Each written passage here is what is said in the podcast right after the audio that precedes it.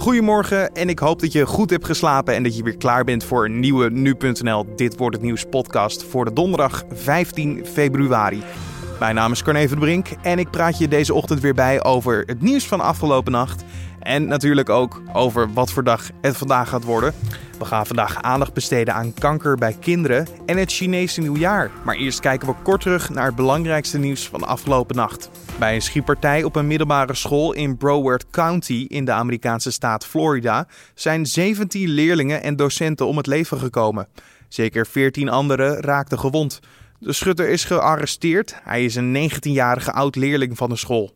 Tommy Christian en Glennis Grace spelen dit jaar de rollen van Jezus en Maria in The Passion.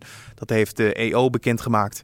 Zanger Django McCroy en rapper Brainpower zullen te zien zijn als discipelen Judas en Petrus. Arjen Edeveen neemt de rol van Pilatus op zich en Bert van Leeuwen zal dit jaar verslag doen van de processie die op 29 maart plaatsvindt in het Arena Park in Amsterdam. De Zuid-Afrikaanse president Jacob Zuma stapt uit eigen beweging op. Zo heeft hij bekendgemaakt in een persconferentie. Het besluit van de door schandalen geplaagde president volgt op een oproep van zijn partij ANC om af te treden. Zuma kon kiezen tussen eer voor zichzelf houden of door een ANC-gesteunde motie van wantrouwen.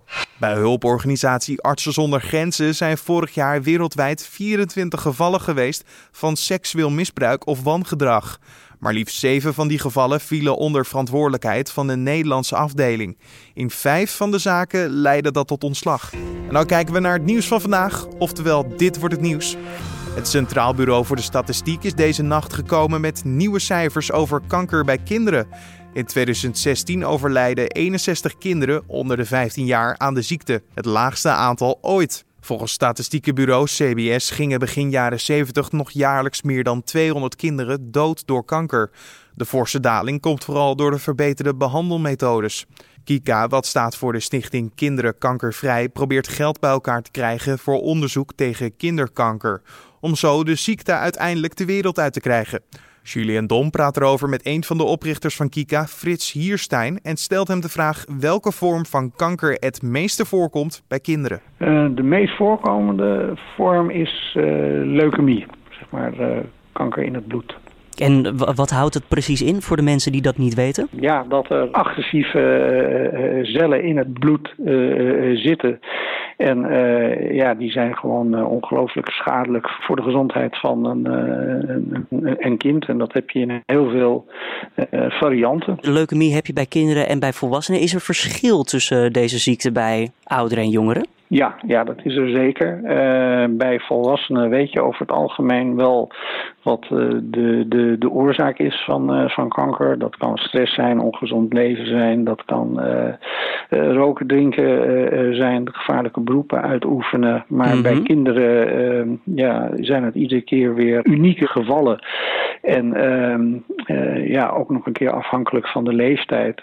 als je echt tussen 0 en 2 jaar patiëntjes krijgt, ja, die, die, die, die kunnen niet eens kenbaar maken waar ze last van hebben. Dus daar, daar, daar is het een heuse zoektocht ontzettend moeilijk lijkt me om daarmee om te gaan als arts. Om, om ja, het is goed werk dat jullie in ieder geval iets daartegen doen. Ja, en uh, uh, gelukkig is het ook zo dat, uh, dat er nog steeds progressie zit in de, in, in de genezing, zeg maar. Want ja, daar, daarover gesproken, zijn er aanknopingspunten waarvan we weten, ja, hier moeten we ons op richten met het onderzoek.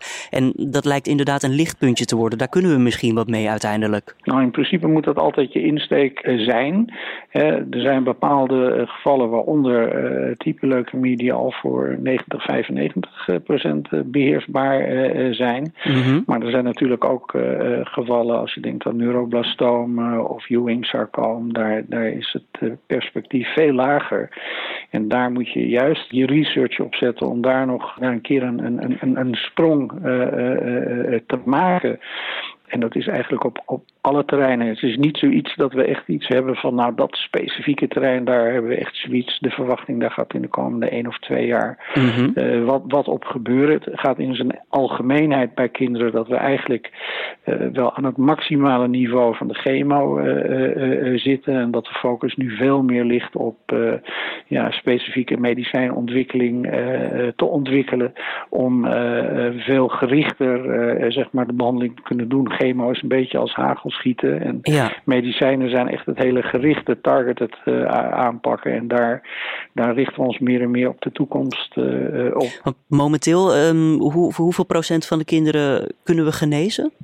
We genezen op dit moment uh, ongeveer 75% van de kinderen. Dat, dat klinkt als heel veel, maar als je zegt dat dan 1 op de 4 kinderen nog steeds overlijdt, is dat ook heel veel. Ja, dat moet natuurlijk naar 100% uiteindelijk. Um, is dat realistisch sowieso om te denken van, nou, we kunnen het helemaal weghalen? Het is niet zozeer dat Kika dat denkt, maar dat, dat denken de oncologen in Nederland uh, zeker. Vandaar dat uh, over een paar maanden, half mei, wordt er een, een, een centraal zorg- en researchcentrum, het Prinses Maxima Centrum, geopend in Utrecht.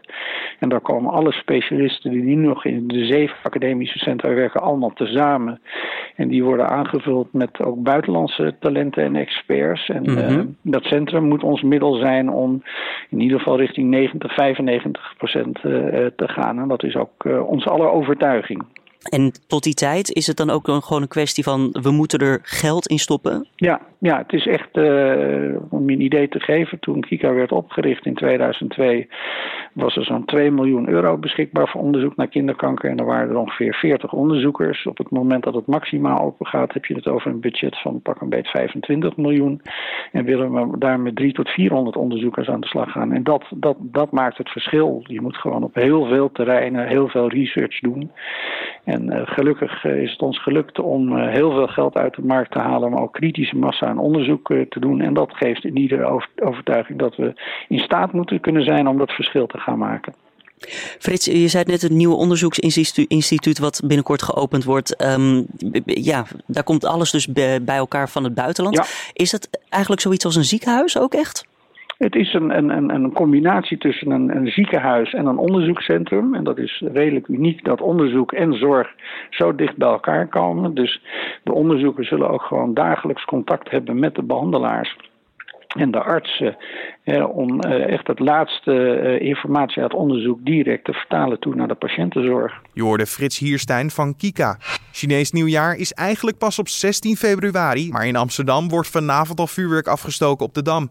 Dat gebeurt omdat op dat moment in Peking het precies 12 uur s'nachts is. We stappen uit het jaar van de haan en we stappen in het jaar van de hond. Collega Julian Don belde met zakenman en organisator Won Jip en vroeg hem welk jaar nou beter is. Die van de hond of die van de haan? Ik denk het jaar van de haan en het jaar van de hond is een beetje meer bezinning. Bezinning? Wat, tenminste. wat zien we daar, wat valt daaronder? Ja, de karaktereigenschappen van een uh, hond zijn anders dan die van de haan. En als je, ja, een hond is natuurlijk toch meer onderdanig, meer, mm -hmm. meer, meer slaafs, tegelijkertijd ook sceptisch. Dus uh, als ik het uh, zo moet interpreteren, dan denk ik dat het een beetje past ook bij de tijd waarin we leven. Even, even een stapje terug, denk ik. Vervolgens, uh, we hebben een heel mooi vuurwerkshow zal plaatsvinden op de Dam. En daar komt ook nog eens een drakenshow bij. dat ziet er heel spectaculair uit. Maar wat is de betekenis achter de drakenshow? Want we zien ze vaker op tv, in films, in series, in boeken. Dat is natuurlijk vanuit de historie te, te, dragen is om de boze geesten weg te jagen in combinatie met de kleur rood. Daarom is het vuurwerk altijd rood. Mm -hmm. Tenminste, het knalvuurwerk. Hoeveel, hoeveel steken jullie af vanavond? We steken vandaag acht rollen af van 100.000, dus 800.000. Dat komt ook weer het getal 8 naar voren. En het 8 is dan een geluksgetal? 8 is altijd het geluksgetal in Azië. Hoe wordt het gevierd in Nederland? Doen we, doen we er genoeg aan? Het begint steeds meer te worden. Ik bedoel, uh, dat heeft natuurlijk ook te maken met de tijd waarin we leven. Mm -hmm. uh, dat China natuurlijk uh, hot is. En dat het wel, ja, dus eigenlijk al de afgelopen tien jaar is dat een stijgende lijn. Was het moeilijk om de gemeente zover te krijgen dat het elk jaar groter wordt ook? Of werkt Amsterdam ook wel mooi mee? Uh, nee, eigenlijk vanaf de eerste editie zijn ze volledig meegegaan. En zagen ze ook wat nut van in. Dat het, ook, uh, het is ook een cadeau van ons aan de stad Amsterdam. Ja. En de bewoners. Dus daar, vanuit die gedachte is het ontstaan. En het past natuurlijk ook in de tijd waarin we leven. Zeg, een uh, laatste vraag. Ja, iedereen in Nederland heeft in de buurt wel een afhaalcentrum waar je Chinees kan halen. Wat moeten we daar nou halen om al, ja, als echt traditioneel gerecht om mee te kunnen vieren dit nieuwe jaar? Ja, dat is een lastige dat natuurlijk niet alle afvalcentra's natuurlijk uh, het eten serveren wat authentiek is. Mm -hmm. Kijk, eigenlijk is het gewoon gelden daar niet echt richtlijnen voor. het is gezellig samenkomen en vooral gezellig eten en drinken. En eigenlijk maakt het dan niet uit wat er op, op de tafel staat? Nee, eigenlijk niet. Kijk, er zijn natuurlijk ook mensen met een andere portemonnee. Dus het is, het is, over het algemeen is het gewoon het samen zijn is de prioriteit. Wondiep hoorde je in gesprek met Julian Dom. Vandaag is het weer een mooie dag voor Nederland qua medaillekansen op de winterspelen. Sven Kramer gaat namelijk azen op het goud tijdens de 10 kilometer. Hij mag als laatste van start gaan en heeft daarbij dus een groot voordeel. Veel andere asen natuurlijk ook op de medailles, waaronder de Nederlander Bergsma en de Nederlander die voor Canada rijdt, Ted-Jan Bloemen. We leggen weer contact met Zuid-Korea met onze winterspelermannen. Aan de telefoon Daan de Ridder en we vroegen hem hoe belangrijk deze dag is voor Sven Kramer. Dit is die day, uur u. Ja, hier gaat het om. Kijk, eh, de vijf kilometer was natuurlijk eh, in eerste instantie het belangrijkste, want zo gaat dat bij sporters. Ze richten zich altijd op de eerste afstand, maar zeg maar over de periode van de afgelopen jaren ging het natuurlijk altijd het meest om die 10 kilometer. Daar heeft hij nooit een geheim van gemaakt dat dat uh, het belangrijkste is, uh, is deze spelen. Omdat hij uh, die nog nooit gewonnen heeft. Terwijl hij natuurlijk in zijn leven alles al gewonnen heeft. En het meest een keertje of 10. En, en de 10 kilometer nog nooit. Dus ja, vandaag is waarschijnlijk zijn laatste kans. Hoewel die, hoewel die een klein beetje terugkrabbelde naar de 5 kilometer. Of dit zijn laatste spelen zijn. Maar in principe was dat wel het plan. Dus dan zou dit de laatste kans zijn op eh, een zege op de 10 kilometer. Ja, want het lijkt me dat hij onder heel veel druk staat vandaag.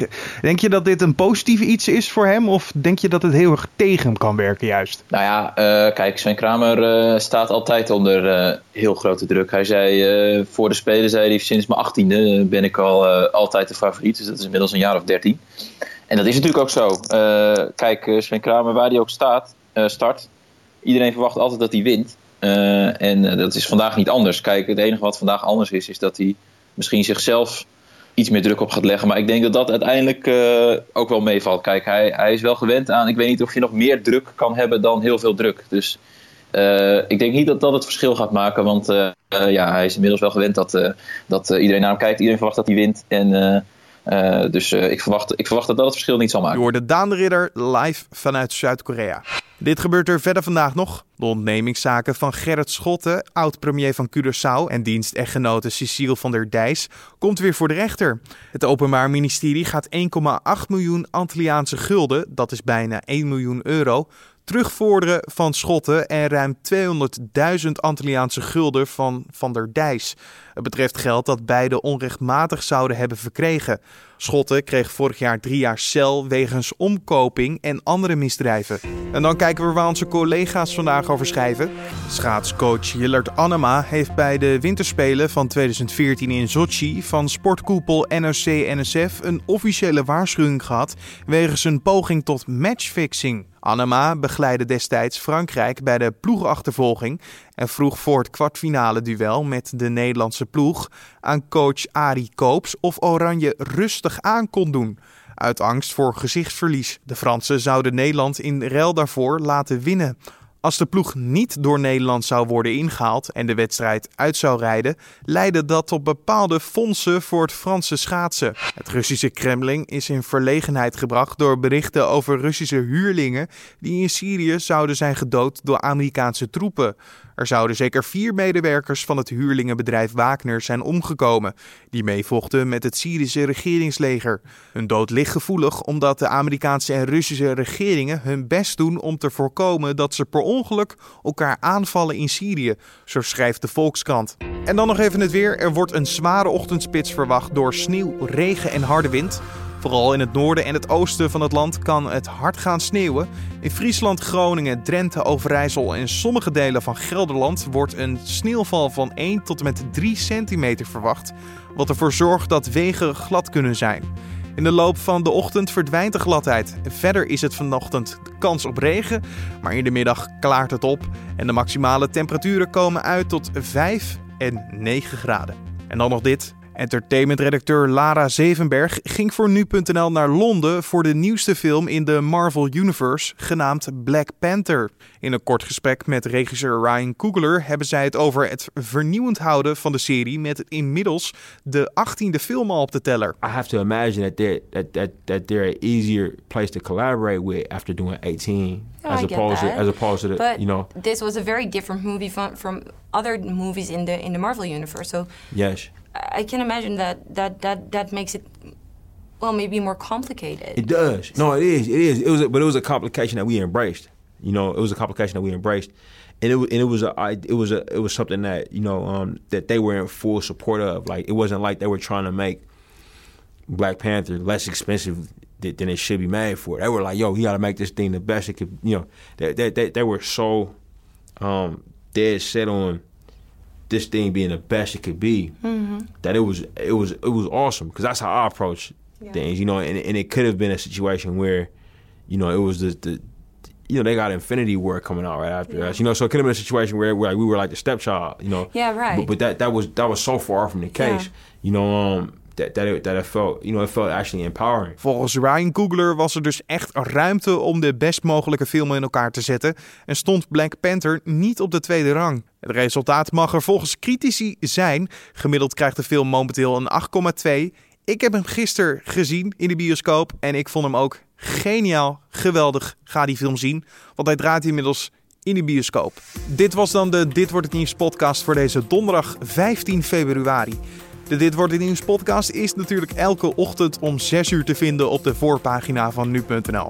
Je kan ons natuurlijk altijd helpen door een recensie op iTunes of een mailtje naar redactie@nu.nl.